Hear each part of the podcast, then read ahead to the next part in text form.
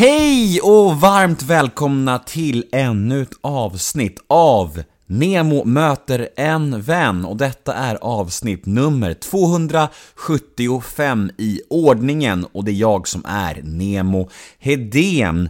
Och veckans gäst är ingen mindre än den fantastiska Marcus Aujalay.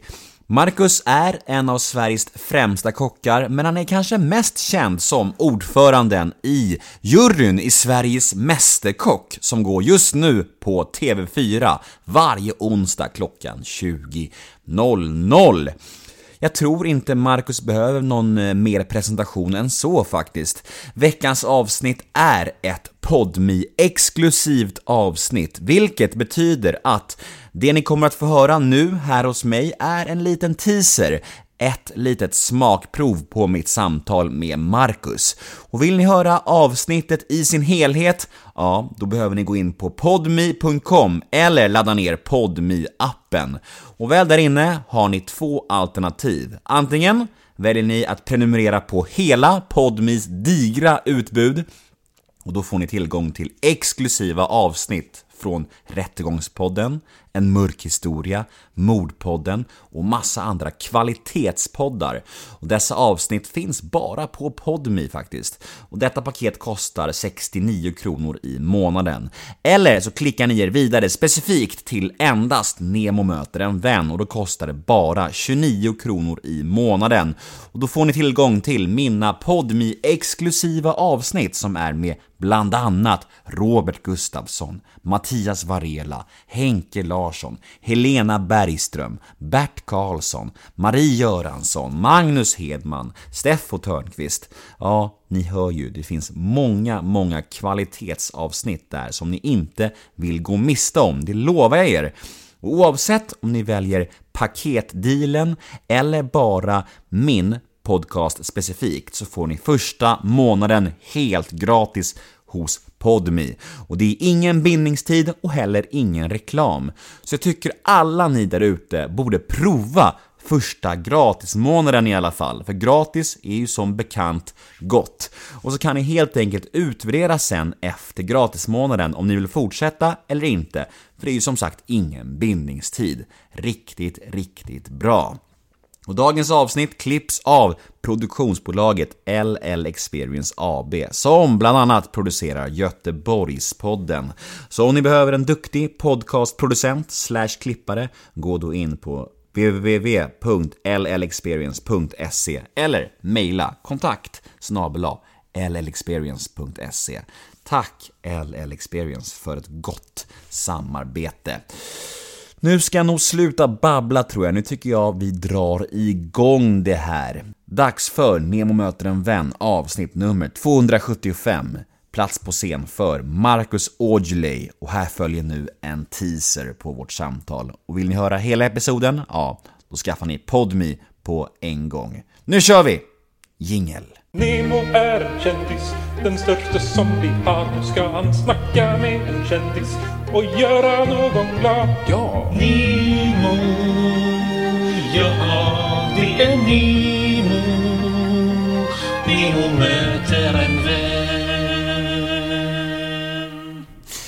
Kul! Ehm, vi är ju igång. Ja, just det. Ja, vi är igång. Nemo möter en vän med Marcus Aujalay. Hur var uttalet? Sådär. Aujalay uttalas. Det är brittiskt uttal på namnet, så man säger Aujalay. Ja. Och vad sa jag? Nästan så. Nej men det var ganska bra, Ja, tack, Det är tack. faktiskt eh, fascinerande om man tar mitt efternamn eftersom jag under hela min uppväxt aldrig har träffat någon som har kunnat uttala mitt efternamn. Förrän de lär känna en eller liksom och, och så vidare. Men nu sen ett antal år tillbaka så, så träffar man ganska många människor som kan uttala mitt efternamn. På grund av att de har sett mig på TV då. Det är en ny upplevelse. Är det kul? Att det är så? Eller, eller bryr du inte bara? Jag tycker att det är lite roligt, måste jag säga. Därför att ens namn betyder ju rätt mycket. Det är ju samma... Ja, men du heter Nemo. Om någon skulle kalla dig för Nemo hela tiden så skulle det bli märkligt. Liksom, för det är inte ens namn på något sätt. Uttalet är ju viktigt. Och eh, när man är liten och växer upp och har ett namn som sticker ut som inte folk kan uttala och sådär. Det blir varje gång så blir det ju en diskussion och man ska stava det vid varje tillfälle. Eh, och förr var det ju också så att man kanske gick till banken mer eller posten eller oavsett. Och ingen kunde ju någonsin uttala ens namn. Så det är klart att det har påverkat. Alltså, jag ska inte säga att det har varit traumatiskt eller jobbigt men det var ändå, det är väldigt... Man blir påminn om det hela tiden liksom. Så Ja, att, ja, Mysigt att vara här. välkommen. Tack så jättemycket. Ehm, hur mår du så här i början på 2020? Jag mår, eh, mår ganska bra, Ja. jag säga. Jag har haft en extremt intensiv höst, som det brukar vara. Eh, och har varit ledig över jul och mellandagar. Jätteskönt och vilat upp mig. Och nu i januari är det ju lite lugnare tempo på restaurangerna. Förståeligt eftersom våra gäster har ju gjort av med pengar på julklappar och nyårsfiranden och så vidare. Så att det brukar dra igång efter januarilönen då igen, på riktigt. Så det är lite skönt. Man får ju faktiskt liksom se det positivt att man har tid för återhämtning själv och gör lite andra saker också. Du, ehm, jag har lite ehm, spännande kuriosa här. Det är nämligen så att hon som klipper den här podden, hon har varit med i Sveriges Mästerkock. Eh, Hon heter Linda, hon är från Göteborg. Jag tror hon kom till... Jag tror hon kom till Gävle. Ja, okej. Ja, Asiatiskt ursprung. Mm, mm, Ring- Ringer någon klocka? mm. Har inte hon också, hon har väl jobbat, hon har väl själv också någon podd eller? Hållit Gö- Göteborgspodden. Ja, för det kommer jag ihåg. Eh, Glasögon ibland, eller? Ja. Eh, Jag kommer ihåg henne och jag tror att hon höll på att podda redan i kön, i auditionkön gick Just hon runt och poddade. Just Ja, exakt. Ja, jag kommer ihåg det. Ja.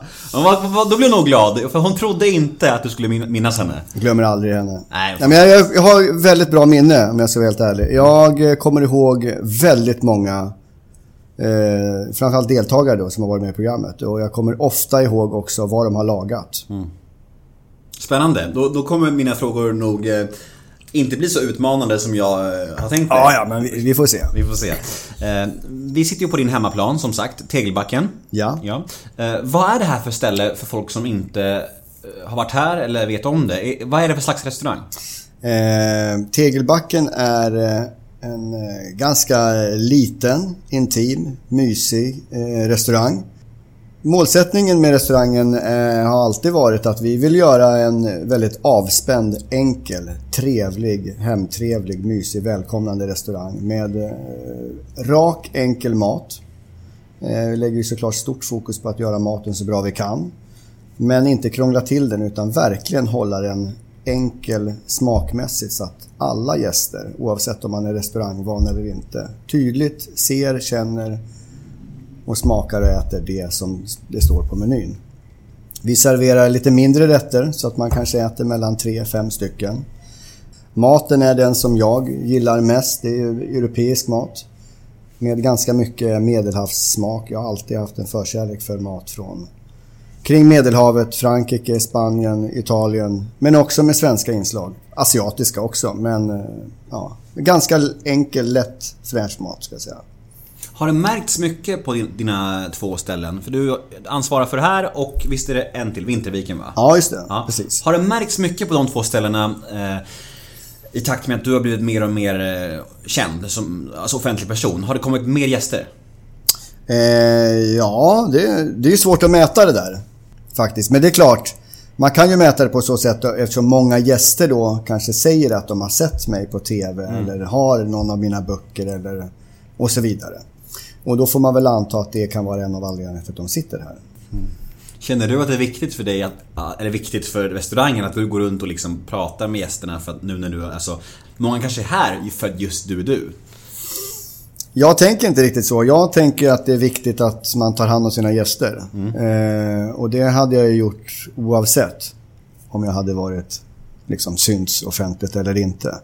Jag tycker att det är eh, en viktig uppgift om man är eh, krögare som, som är aktiv och jobbar på plats. Att man ja, är ute och pratar med gästerna ju- och, och pratar med personalen också. Men det är viktigt liksom. Jag tror att det är... För mig är det liksom självklart. Nej, men det blir en avspänd, trevlig stämning också. Det blir enklare för mig att gå ut och bara vara mig själv. Och, och, och det visar ju också vägen för alla andra som jobbar att det är okej att vara personlig men korrekt.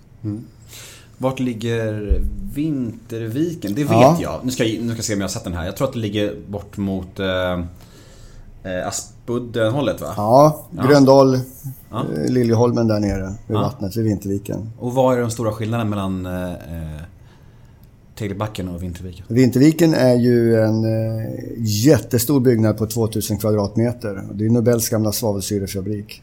Där vi driver en helt annan typ av verksamhet. Vi har ju lunch, café, konstutställning och sen festvåning på kvällarna då. Med olika typer av banketter, fester, bröllop och så vidare. Öppet varje dag året runt. Med undantag för några dagar kring jul. Om du var tvungen att stänga något av ställena, vilket skulle du behålla? Det går inte att säga. Det är liksom... Vilket av dina barn skulle du välja bort? Liksom? Nej, det går inte riktigt. Ja, okej, men eh, inte riktigt så är det. Nej, men eh, det är svårt att säga. Därför att det är så två, två olika typer av ställen. Mm. Hade jag haft två likvärdiga restauranger hade man kanske kunnat liksom säga att ja, men, då behåller jag den här eller inte. Vad tycker du eh, utmärker en riktigt, riktigt bra restaurang?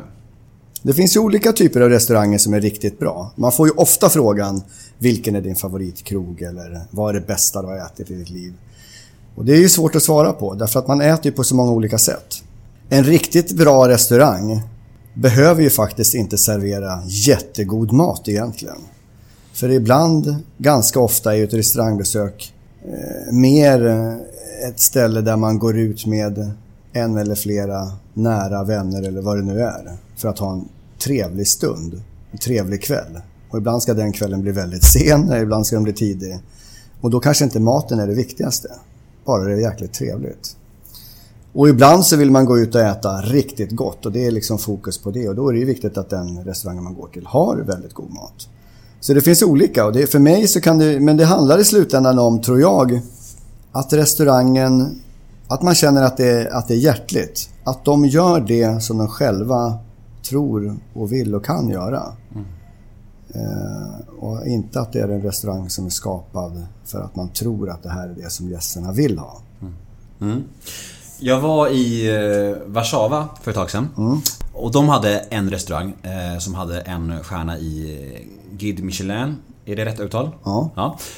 Och då tänkte jag så här, fan nu är vi i en stad där det är billigare än i Stockholm, ska passa på att gå på en sån restaurang. För jag har aldrig gjort det. Och, och, och, och jag, jag, det var någon slags avsmakningsmeny. Eh, är det alltid det på stjärnrestauranger? Nej, det behöver inte vara men det... det ja. Ja. Och, och, och det var så här, ja, men vi, vi tog den och något drick, drickapaket och så fick, fick vi in så här åtta olika rätter. Och det var så jävla konstiga och svåra saker. Det var typ så här, med- plockat från någon barrstubbe med konstig glasyr. Och jag fattade ingenting och jag trodde så här, det här ska vara det godaste jag har ätit. Det var jättelite mat och jag blev så här, jag kände mig så banal som människa. För jag kände mig underkvalificerad för att kunna njuta av den maten som kom. Ja, jag fattar. Nej, men det är svårt det där eh, och det är klart att det där är ju ett, det är- ett hett ämne för oss som jobbar i branschen och för många gäster som reser världen över. De går ju efter den guiden. Men det är ju bara en guide där de är ju ganska nischade på, på sin linje och bara för att en restaurang har fått massa utmärkelser behöver inte det betyda att det är mat som man tycker om.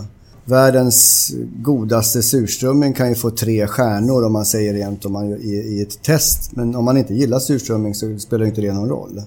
Så att jag tycker inte man ska hänga upp sig så mycket på det där utan det viktigaste är att man... Jag menar, man, man känner ju själv vad det är för typ av mat man gillar och vad det är för miljöer man gillar.